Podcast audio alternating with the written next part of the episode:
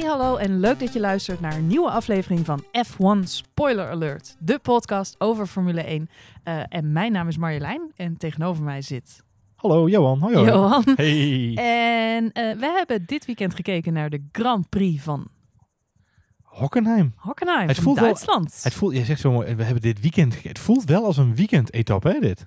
Nou ja, elke, ja, het is niet voor niks een race weekend. Nee, het is maar niet bedoel- alleen de race. Ik, ik bedoel meer, ik, ik bedoel zeg maar de, ehm, eh, eh, de race vandaag.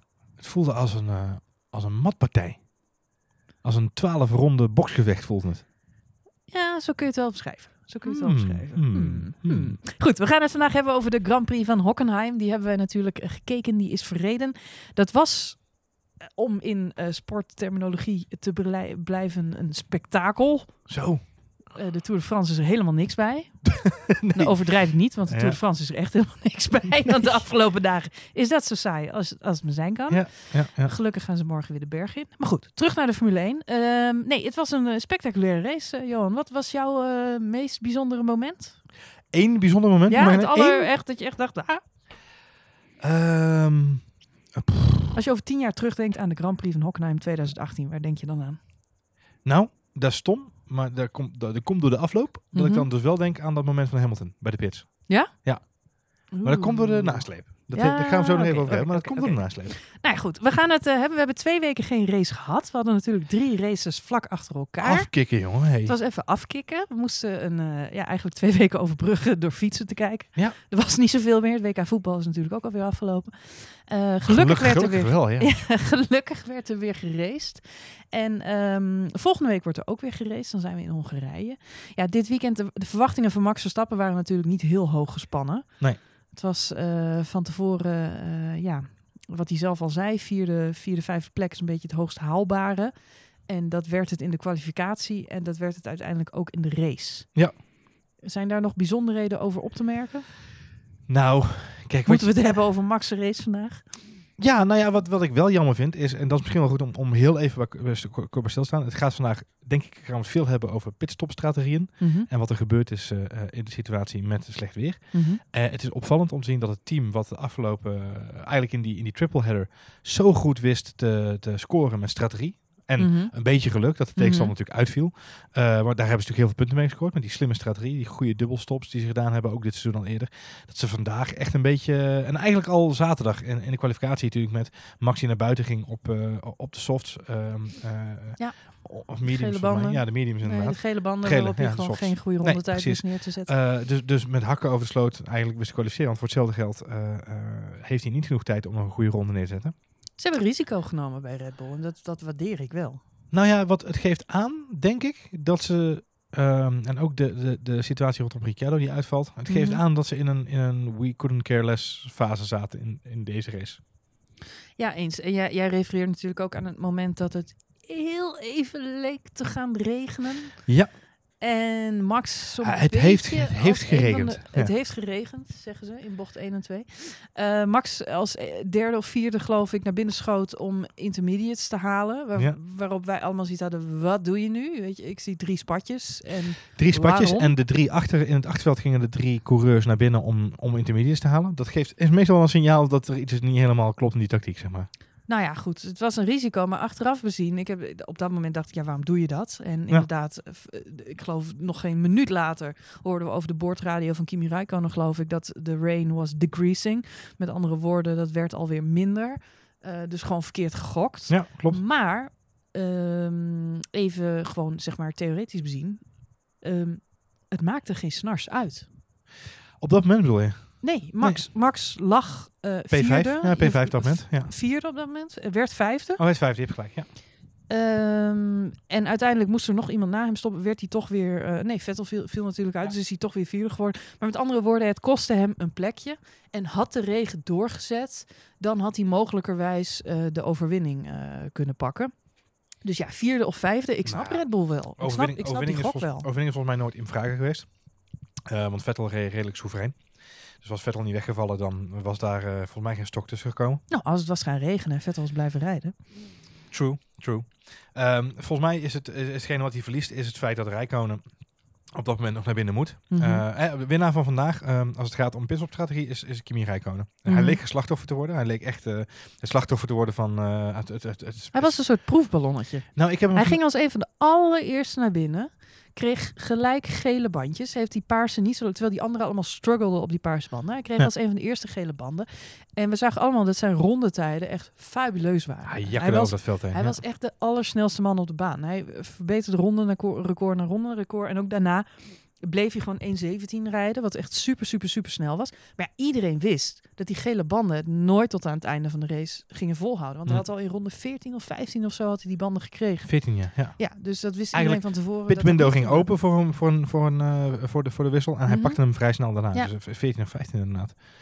Ah, jij zei terecht, hij lijkt de proefkonijn te zijn voor Vettel. Precies, kijk hoe lang de bandjes Kijk hoe lang de volhouden. bandjes volhouden. Maar überhaupt was opvallend hoe weinig inzicht ze eigenlijk hadden in wat de banden konden voor de race. Want Ricciardo heeft na afloop verklaard... ehm, Ricciardo was de enige die startte op de mediumbanden. Ja. De harde, witte banden. Mhm. En de doelstelling was om eh, dus heel lang door te rijden... en aan het eindje nog, eind nog sprintje te kunnen inzetten met die paarse bandjes.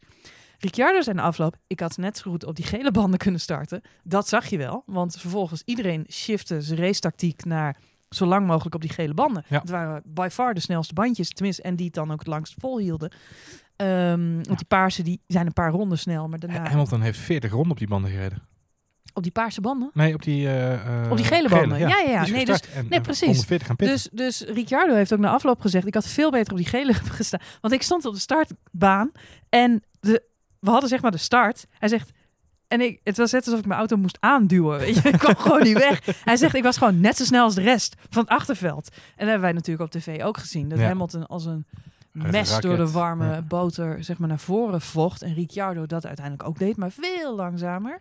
Ja. Met andere woorden, die witte banden die waren totaal useless. Nou, eigenlijk was het moment dat hij DRS kreeg inderdaad. Ja. Dus ja, dus, dus Red Bull heeft daarmee ook verkeerd gegokt. Ja, maar goed, dus Kimi, Kimi leek slachtoffer Maar te je moet worden risico van... eh, nemen. Kimi leek slachtoffer te worden van, eh, van het proefkonijntje zijn van, eh, van Vettel. Ja. Eh, even later z- zagen we zelfs dat het Kimi Barrichello was. Want hij moest aan de kant voor Vettel. Werd met veel eh, om, omwegen werd het duidelijk gemaakt. We moeten vanwege het bandenmanagement Kimi moeten we zorgen dat eh, Sebastian meer eh, vrije lucht heeft. Want zijn Mhm. banden gaan sneller stuk Mhm. nu. En jij moet ook op je banden letten, want eh, jij moet misschien nog zo een keer naar binnen. Nou, hij moest natuurlijk nog een keer naar binnen. Want hij was veel te vroeg gestopt. Ehm, dus uiteindelijk leek hij slachtoffer te gaan worden vandaag.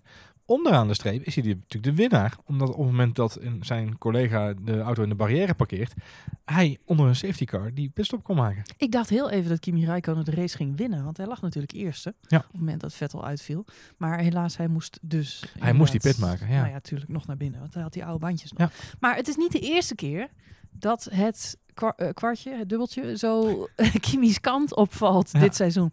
Volgens mij is Kimi Räikkönen op dit moment de coureur van alle coureurs die het vaakst op het podium heeft gestaan in 2018. Ja. Volgens mij staat hij er elke week. Elke race is Kimi Räikkönen op het podium. Nou, hij staat wel veel op het podium in ieder geval de laatste. Of Hamilton is er niet bij. Echt Of Bottas is er niet ja. bij. Of Maar- Vettel is er niet bij. Maar Räikkönen is er altijd bij. Räikkönen is er Ik wel heb veel vandaag getwitterd. eh, Ferrari zou gek zijn, echt gek zijn, als ze Kimi Räikkönen volgend jaar laten gaan. Denk je? Die gast is zo'n constante. Ja. En inderdaad, je, je geeft hem vandaag een, een min of meer teamorder. Nou, Ja. dan, het mooiste vond ik nog zijn reactie, want dan zei ze, I, I do not understand. En ondertussen rijdt Vettel voorbij. Ja. Dus hij was in een soort, in een soort meeting, conference call. We gaan het overleggen waarom die Vettel voorbij moest laten gaan. Vettel was al lang weg.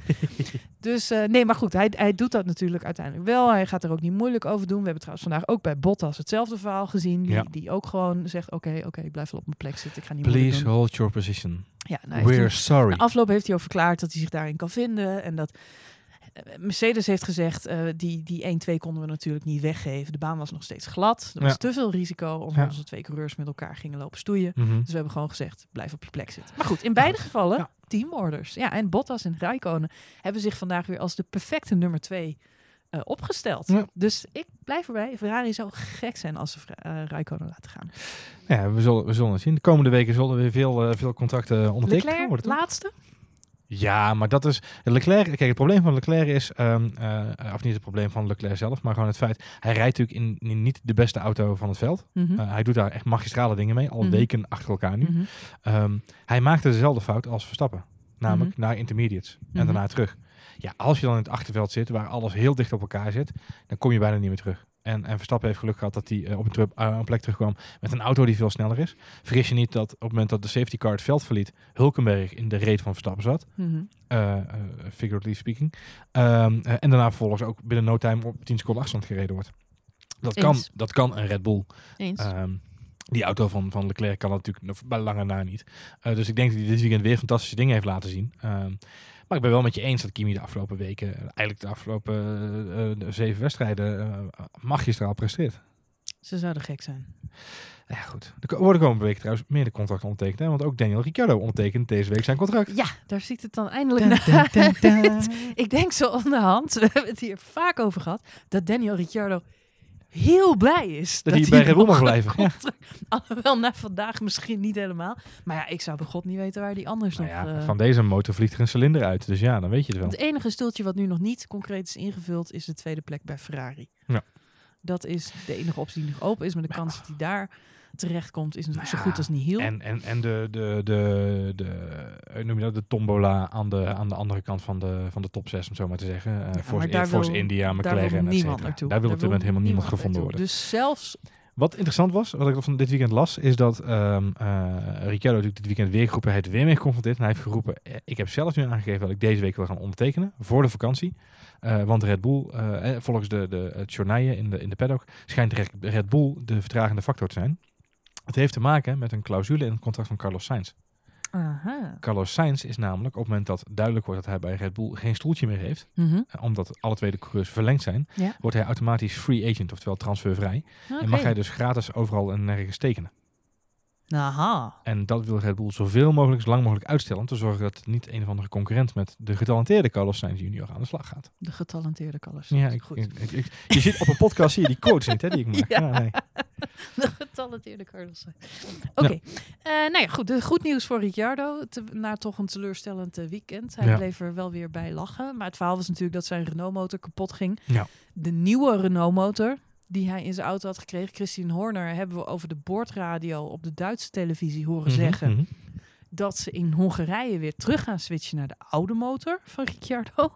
Wat trouwens fascinerend is, hè, wij hebben vandaag ook weer via RTL gekeken. Ja. En daar hebben ze dus gewoon de teambazen, die bellen in tijdens de, tijdens de live-uitzending. Wat echt hilarisch was trouwens, want het was precies op het moment, eh, er werden drie vragen gesteld. Er werd even nog snel een beetje in het andere in het Duits vertaald.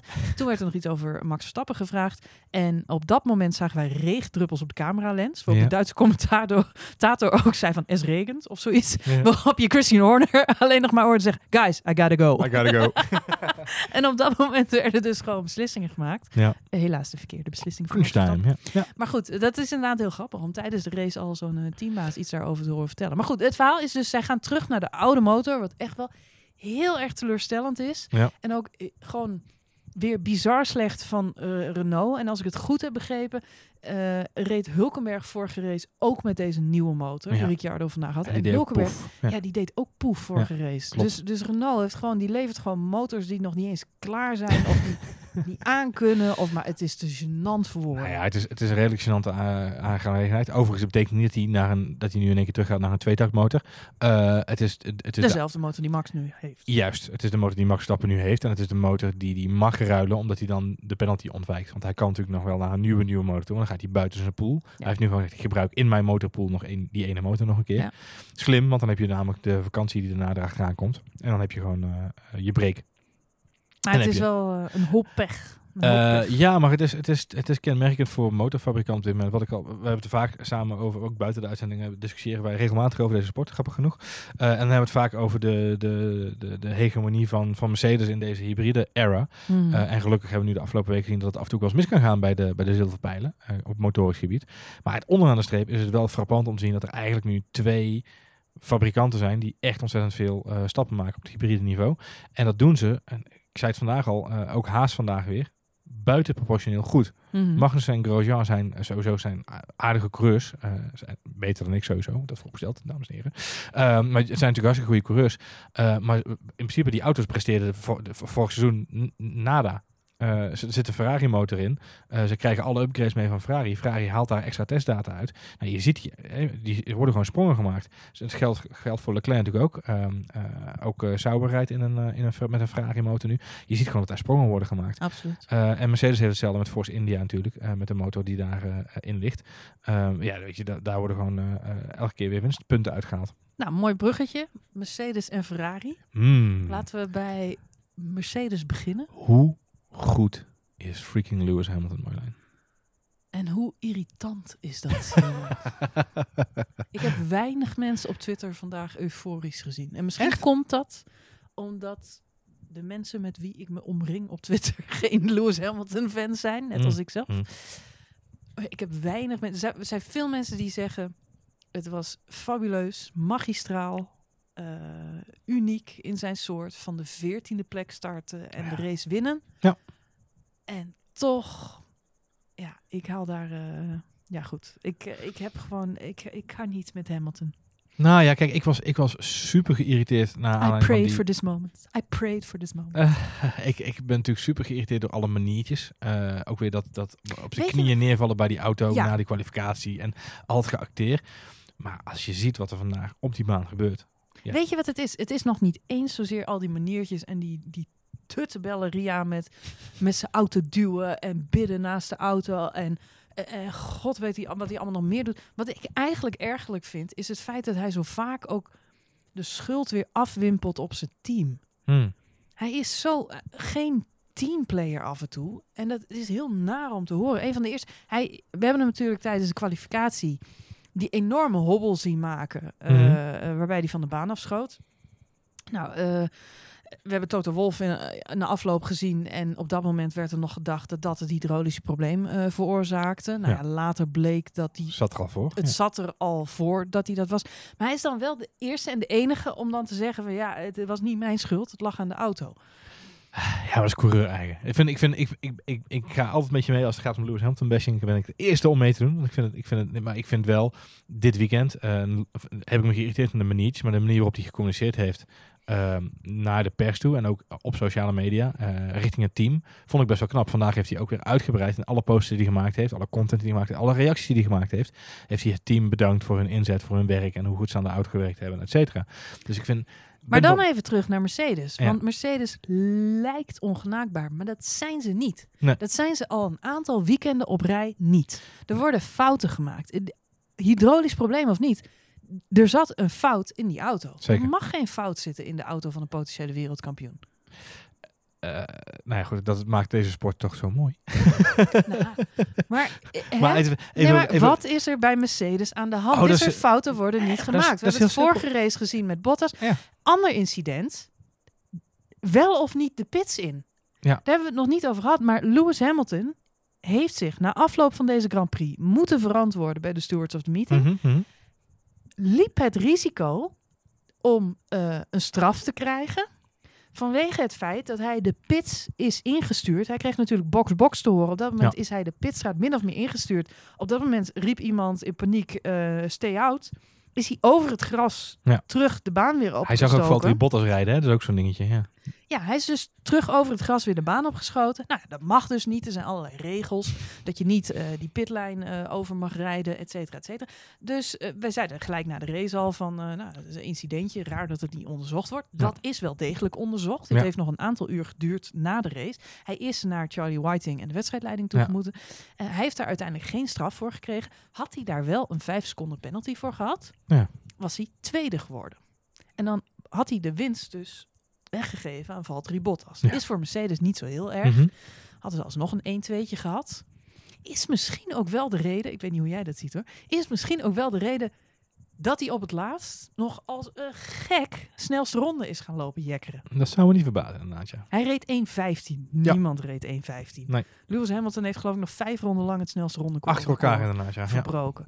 En had daar dus uiteindelijk nog 4,5 seconden mee opgebouwd op Valtteri Bottas, Bottas. ja. Wat dus net een halve seconde te weinig was geweest om zijn overwinning te behouden. Maar goed, hij is ermee weggekomen. Maar het is een fout van Mercedes. Ja. Het is chaos. Ja. Eh, Het is, het is eh, chaos en het is eh, heel makkelijk terug te leiden. Dat is namelijk de kracht van Ferrari. En Ferrari heeft Mercedes in de rug gegrepen op dit moment. En Mercedes loopt voor het eerst sinds vijf jaar achter de feiten aan. Mhm, Want ze moeten reageren op een concurrent. mhm. Vettel is in de vorm van zijn leven. Niet op natte banen, dat even daar gelaten. Maar in principe is, heeft hij eh, fantastische races gereden de afgelopen weken. Staat hij niet voor niks zo dicht bij Hamilton, dit Mhm, kampioenschap. mhm, Daarnaast gaat die motor, waar we het net al even over hadden, die motor wordt steeds elke week weer een stapje mhm, beter. Een stukje sneller, weer een stukje voor, voordeel gehaald ergens. Allemaal kleine tweaks in de, in de wings en de endplates en weet ik wat ik allemaal voorbij zie komen als ik al die, die nerd data ga zitten analyseren. Ferrari heeft de, de, de swing te pakken. En daar moet Mercedes voor het eerst in volgens mij vijf jaar op reageren. Ja, ik ben het helemaal met je eens. Maar dit, de grap is dat eh, we hebben natuurlijk allemaal Hamilton vandaag die race zien win- winnen. Dan het verhaal Vettel, zijn thuis Grand Prix. Eh, we hebben op de Duitse televisie gezien. Hij werd geïnterviewd. Die man die zat verschrikkelijk lekker in zijn vel. Eh, Vettel is nooit de Schumacher geweest. Hè? Hij, is nooit, hij heeft nooit die heldenstatus bereikt Nee. in Duitsland die Schumacher wel had. Dat heeft ook te maken met dat er altijd veel verschillende Duitsers in de sport. Je hebt nu ook weer Hulkenberg en je hebt altijd andere Duitsers. Dus Duitsland hebben ze natuurlijk ook een beetje eh, de optie om voor andere coureurs te kiezen. Er is wat Maar het, heeft, nou ja, maar het heeft ook te maken met het feit dat hij, nou, hij is niet zo alles overheersend als Schumacher geweest tot nu toe. Hij heeft, hij heeft ook niet de uitstraling. Blijkbaar had Schumacher een uitstraling die Duitsers heel erg aanspreekt. En Vettel is toch al een beetje ander type geweest. Ja. Ehm, maar ik kon al merken, vorige race, dat, dat hele verhaal met die Verstappen-tribunes overal. En dat oranje gevoel en Silverstone, eh, waar alle Hamilton-fans zich natuurlijk... Vettel wil dat ook. En al in aanloop naar deze race was hij daarmee bezig met de thuis Grand Prix, de thuis Grand Prix. Op de Duitse televisie ook weer prachtig, hier in Duitsland. Duitse vlaggen op de tribunes. Ehm, Hij was blij dat de mensen na het uitschakelen van Duitsland in het WK voetbal eh, de vlag nog niet hadden opgeborgen inderdaad. Precies, Ja. precies. Dus dit had wel echt zijn race moeten worden. En dan lukt het hem weer niet. Wat ik voor hem persoonlijk toch wel een verdriet vind. Maar na afloop van de race, dan even de twee reacties. En dat vond ik tekenend, tekenend. De interviews na afloop. Ehm, Hamilton heeft na afloop, eh, nou ja, zoals jij zegt op social media, wel zijn team bedankt. Maar hij heeft ook gezegd nou, dat bij zijn team dus weer chaos was. Mhm. Hij zegt, ik weet niet wat daar gebeurde in de, in de, op, de, op, de, op de pitmuur. Ja. Maar het was gewoon chaos. Hij zegt, ik geloof dat ik de enige persoon die nog kalm was, was op dat moment. Vind ik nogal een sneer naar je team. Zo van, eh, hè, die, die, die paniekkippen, die weet het weer eens niet. Ja. Vettel heeft na afloop verklaard dat het een kleine fout was, met Ja. grote gevolgen, Mhm. maar dat hij er geen nachtslaap om zal verliezen. Nee, klopt. Met andere woorden, die is gewoon nog steeds cool. Ja, die is heel Cool zen. als een kikker. Ja, die is heel zen. Die zegt, Dus wat 17, jij net zegt, die zegt 17 punten en die denkt, ja, dat komt volgende week wel weer. Ik vind dat wel strak hoor. Het is eh, v- voor de eh, eh, uitzending, of voor de race in, eh, in Duitsland, eh, hebben ze uitgebreide voorbeschouwing. Sowieso, eh, wat ze daar doen rondom Formule 1 is, is fascinerend om te zien. Ze hebben Timo Glock daar, ook oud Formule 1 coureur, eh, die doet mee eh, analyses. Nico Rosberg. En Nico Rosberg sluit er ook af en toe aan voor een, eh, een, eh, een, een stukje eerlijke mening naar de mensen toe. Ehm, Timo Glock had een interview met Sebastian Vettel in aanloop van het, ehm, naar het weekend toe eigenlijk. Dus volgens mij op woensdag of donderdag of zo. Zaten keurig, zaten ze allerlei Duitse specialiteiten weg te eten. Ze hadden een soort van Schnitzel. buffet gemaakt met allemaal Duitse maaltijden en grote bieren. Dus ze zaten een biertje te drinken en, eh, en, en lekker te happen. En eh, toen ging het ook over eh, ehm, eh, het feit dat Vettel zo, zo ontspannen was. Dat, en, en Timo Glock zei, joh, die situatie in Baku vorig jaar, dat je daar, was Baku, ja, Azerbeidzjan, dat hij dat inderdaad, ehm, dus inderdaad die wheelbang had met, met Lewis Hamilton, na die, Mhm. die zogenaamde breaktest. Eh toen reageerde hij natuurlijk furieus. Mhm. En, en in China ging je naar Max Verstappen, gaf je Max Verstappen een schouderklopje aan, ah, kom maar goed knul, volgende race weer beter. Mhm. En die Timo Glock zei ook weer, wat, wat is dan het verschil? Weet je, zit Ja. je dan zo goed in je vel? Heb je dan alles zo goed onder controle dat dat zo is? Waarop Vettel ook gewoon zei, ja, op dit moment heb ik gewoon de flow. En heb ik, zit ik gewoon in een goede plek voor mezelf. Ik zou het fantastisch vinden als ik nu tegen je zou kunnen zeggen dat ik het geheim heb gevonden. Waardoor ik een hele rustige uh, patrias familias ben geworden binnen de Formule 1. Hij zegt, maar dat is niet zo. Hij zegt op het moment, hij zegt sowieso, dat moment in, in Baku is emotie. Mhm. Hij zegt, we zijn allemaal mannen in een auto die veel te snel gaat. En eh, op dat moment ben je geïrriteerd, je reageert te heftig. En het is een fractie van twee seconden waarin er iets gebeurt. Voor ons is het een, een momentopname. Voor de buitenwereld, met alle camera's, alle replays, alles erop en eraan, wordt het heel groot gemaakt. Mhm. Zeg maar, Max Verstappen, hetzelfde verhaal. Eh, Max gaat gewoon voor een gaatje. Hij wil gewoon zijn best doen. Uh, tikt me aan, maakt een fout. Mhm. En ik ben wel op een plek nu dat ik dat kan relativeren. Nou, zag je vandaag ook weer. Mhm. Hij is op een plek waarop hij dingen kan relativeren. En ik denk dat hij voor zichzelf... Ik weet niet of hij dezelfde kalmheidscoach heeft gehad als Grosjean. Ehm, maar het valt me wel op dat hij... Het, ik denk dat hij een handboekje ergens heeft of zo. Die man is inmiddels werkloos, want het heeft niet geholpen. Nou ja, Grosjean is wel heel zen. Hij rijdt wel heel zen over het gras. En, en hij ziet ook zen overal mensen die hem aantikken. Maar, nee, maar ik bedoel, ehm, eh, ehm, Vettel heeft, heeft een bepaalde relativeringsvermogen over zich. Wat hem nu op dit moment gewoon op een plek brengt. Waarbij hij zegt, joh, het is maar 17 punten. 17 punten is eh, één keer zo'n gevalletje als vandaag. Alleen dan Mhm. andersom. Mhm. Vorige week wint hij, in, of twee weken geleden wint hij in Engeland Mhm. eh, de thuis Grand Prix van Lewis Hamilton. Ja, vandaag Ja. wint Lewis Hamilton mijn thuis Grand Prix. Ja, Ja. let it be. Nou, ik vind het cool. Ja. Ik vind het echt cool. Ik, eh, wat ik al zeg, ik, ik- wat ik grappig vind is de, de, de totale chaos bij Mercedes. Maar ja, dat maakt de sport wel weer eh, attractiever dan, eh, dan dat hij ooit is geweest eigenlijk. Het lijkt wel een beetje alsof de rollen zijn, zijn omgedraaid. Want vroeger zeiden we natuurlijk altijd Ferrari emotioneel, Vettel emotioneel. Altijd een beetje chaos en, en drama en zo. En, en, en, en Mercedes, die saaie Duitsers, daar was echt nooit wat te doen. Nee. Ehm, Maar Toto Wolff was daar eh, de bron van energie, en dan weet je het wel.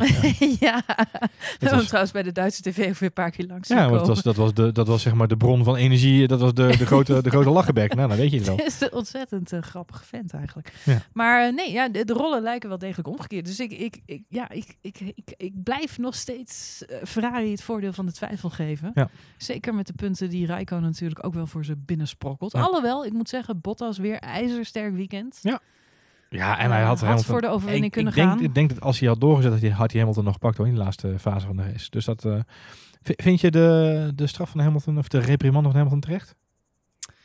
Ja, goed. Hij heeft, geen, eh, hij heeft inderdaad een reprimande gekregen. Dat is de eerste keer dit seizoen. Een tik op de Een vingers. tik op de vingers. Ik weet het niet. Ik denk als het Max Verstappen was geweest, dat we vijf seconden aan onze broek hadden gehad.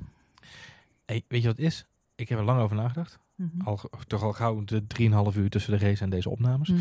Eh, en het feit dat de, de situatie uitgesproken. Ik denk dat de stewards het nooit goed hadden kunnen doen. Want als ze een, een, een tijdstraf hadden gegeven en die was 5 of 10 seconden geweest, want 10 seconden was ook nog een optie geweest. Mhm. Als het echt een gevaarlijke situatie is geweest, dan moeten ze 10 seconden geven.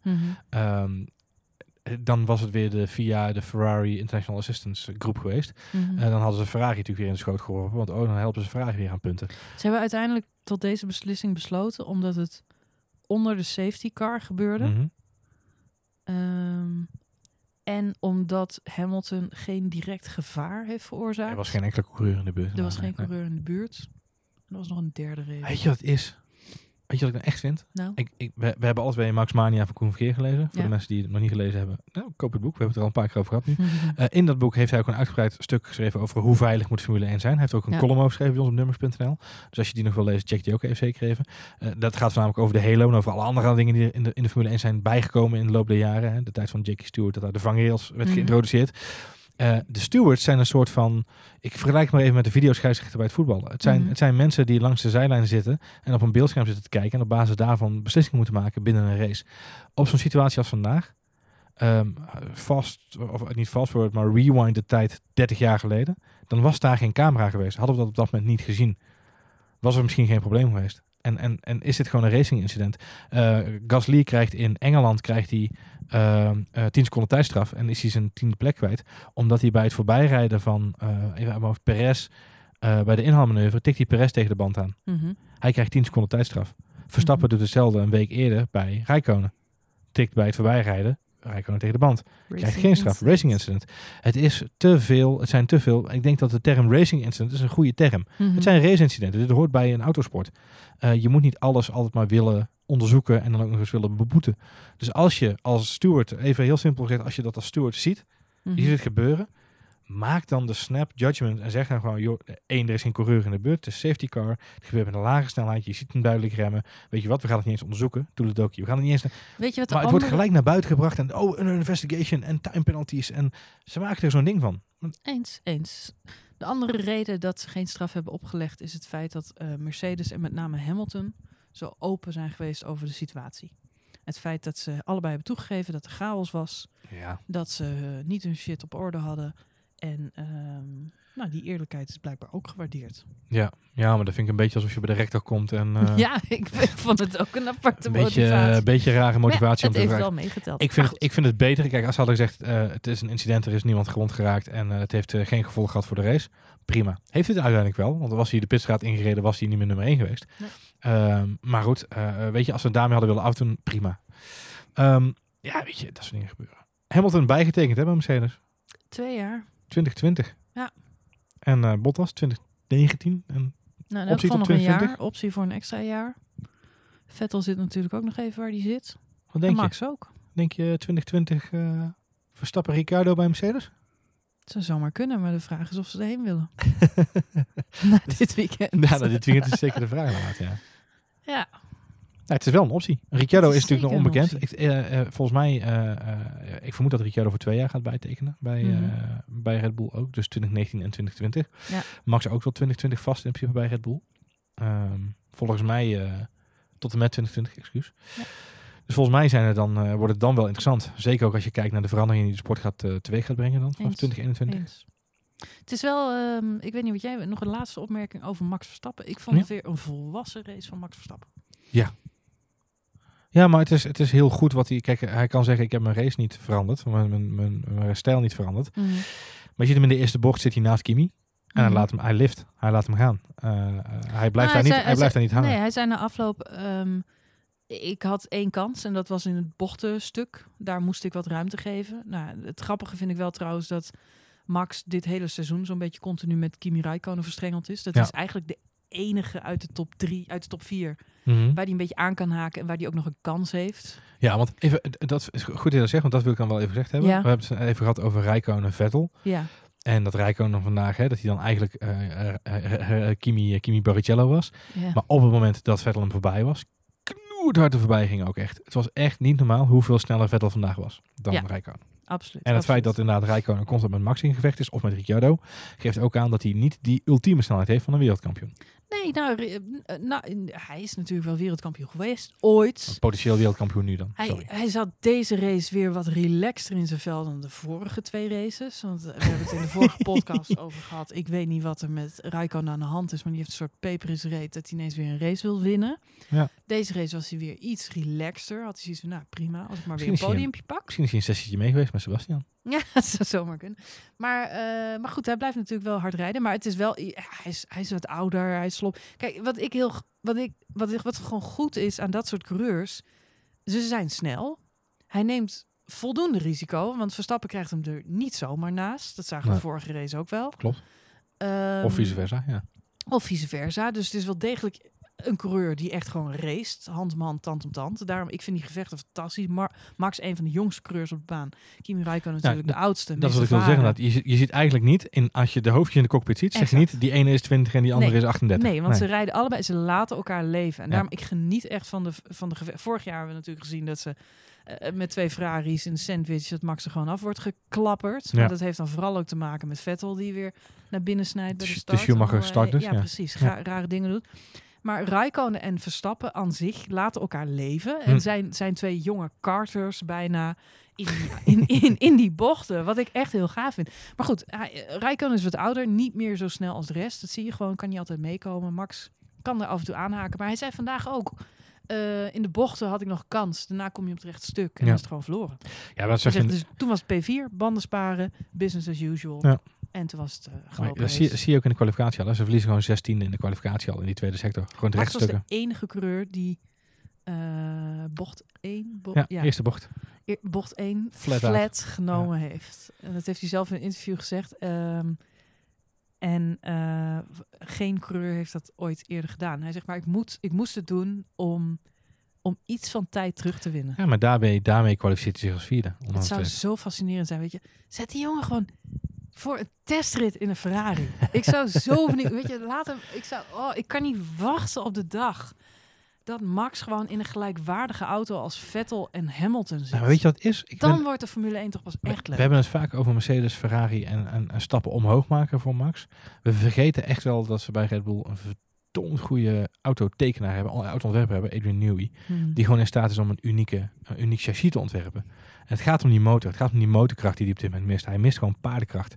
En het gaat er niet zozeer, want ik denk dat als die auto, de RB14, is een van de, de, de auto met de meeste downforce op dit moment. Hij is ook de enige auto die het kan. Ze kunnen het alleen maar die auto in bocht 1, plankgas. Hmm. Ik vond wel mooi de reactie van Nico Rosberg. Hè? Die, eh eh, wat zei hij nou? Die, die belachelijke, die, die eh, Verrukte Hollander. verrukte Hollander inderdaad. Ja, dat was het. Dank je.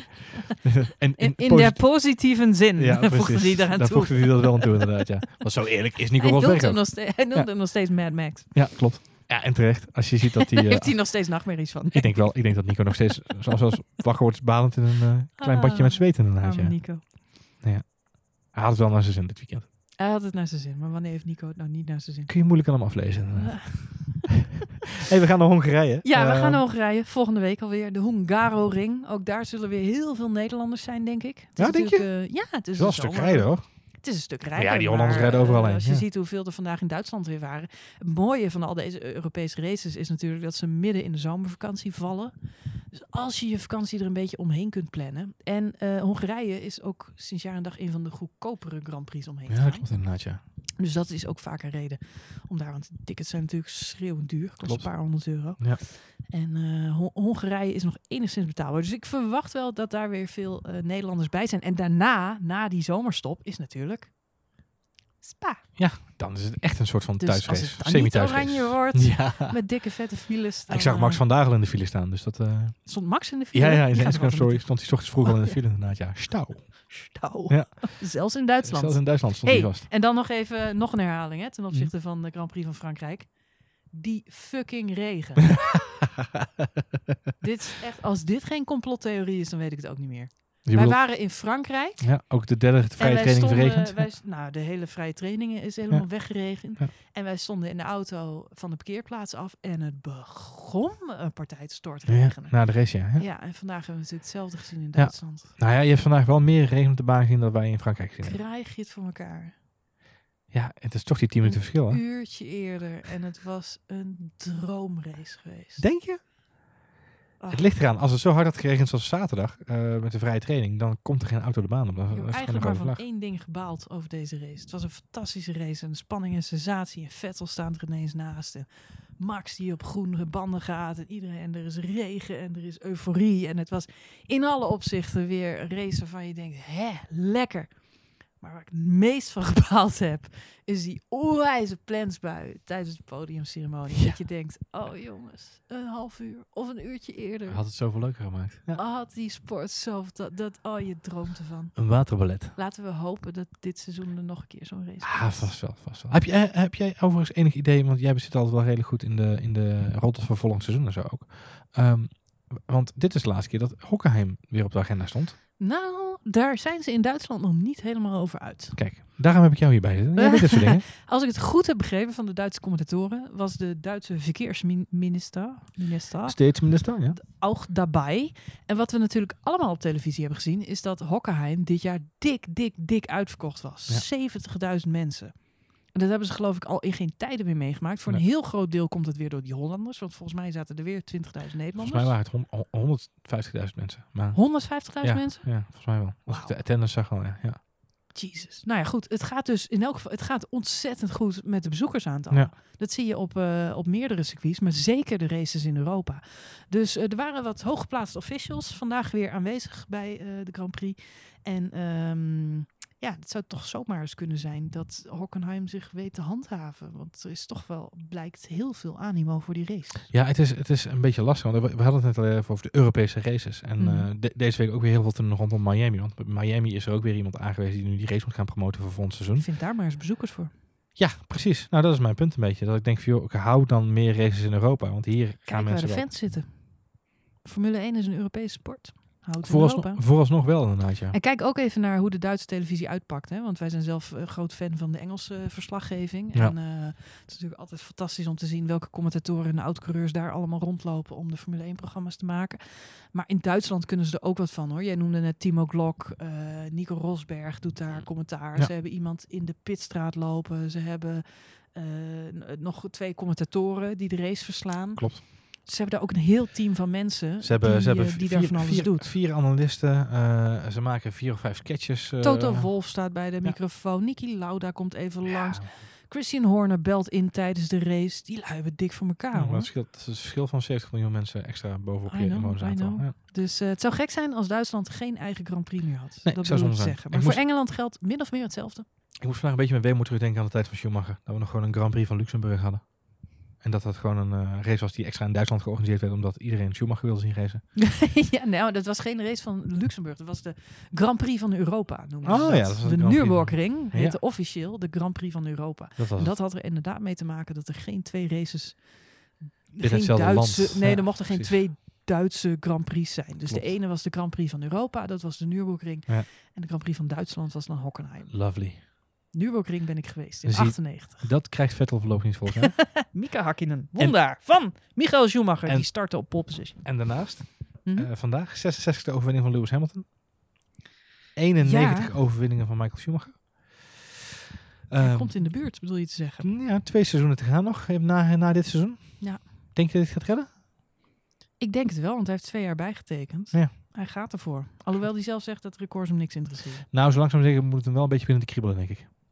Het is wel, hij heeft wel dezelfde controverse die Schumacher ook had. En vandaag, hoe hij deze race won, ik kon alleen maar aan Schumacher denken. Ja. Dit is wat Schumacher ook altijd deed. Starten vanaf de veertiende plek met tegenzin, met, eh met, met, met Chagrijn, ja. En dan eigenlijk had niemand hem in de gaten. Alleen op dat, dat kleine statistiekje wat vroeger nog onder in beeld stond, zag je die Schumacher elke keer een plekje naar voren komen. En dan denk je, hoe kan het? Hoe kan het dat die man weer... Nou, en dat zag ik vandaag met Hamilton gebeuren. En potdomme, hij wint uiteindelijk die race. Er kon er maar één en dat was Schumacher. Op naar Hongarije. Op naar Hongarije. Volgende week zijn we er weer met een nieuwe aflevering van F1 Spoiler Alert. Eh, wil je eh, je abonneren op deze podcast? Dan kan dat natuurlijk. Doe dat via je favoriete podcast-app, via iTunes of wat hebben we nog meer? Overcast, of, TuneIn eh, of uh, Pocketcast. We zijn overal wel een beetje te winnen. alle podcast-apps die er maar bestaan. En dan ga je naar F1 Spoiler Alert. En dan zeg je abonneer. En dan krijg je elke week, of in elk geval elke keer als wij een nieuwe aflevering gemaakt hebben, een alert op je telefoon dat er weer een nieuwe aflevering klaar staat. Hartstikke leuk. Ehm, en wil je reageren op deze podcast naar ons? Heb je een mening over Lewis Hamilton? Vind je dat we te negatief zijn over Lewis Hamilton? Of positief, positief, over Max Verstappen? Of kan ook. Ja. We Sainz? Of Leclerc? Of hebben het helemaal niet over Lance Stroll gehad vandaag. Nico Hulkenberg hadden we het wel over kunnen hebben, want die heeft vandaag zijn beste raceresultaat ooit gehaald. Vijfde. Goed hè? Goed gedaan, Nico. Wil je daar iets over zeggen? Dan kan dat via Twitter. Je kunt reageren naar Oh, Ed Johan Voets, hallo. of naar Marjolein. Twitter is eh, het makkelijkste en het snelste kanaal om dat te doen. Ehm, Ja, je kunt ook proberen te faxen, maar dat is vrij lastig. faxen, ja, dat kan. Naar F1 spoiler alert. Fax.nl. nee, dat doen we niet aan. Eh, maar wil je dat we het ergens specifiek een keer over hebben? Vind ik ook wel leuk. Dus heb je een keer suggesties van, joh, jullie hebben het nooit over die en die coureur. Of, eh, En eh, de, en de zomerstop komt eraan, dus we kunnen een keer een eh, special ja, een request doen. speciale aflevering doen. Of een, een throwback aflevering. Iets waar je nog heel graag iets over wil hebben. Of, Of dat, een we, throw-up aflevering kan ook. dat we iets voor je uit gaan zoeken. Willen we best doen. Stuur dan even een berichtje via Twitter. Vinden we hartstikke leuk. Goed, dat was deze aflevering van F1 Spoiler Alert. Heel graag tot volgende week in Hongarije.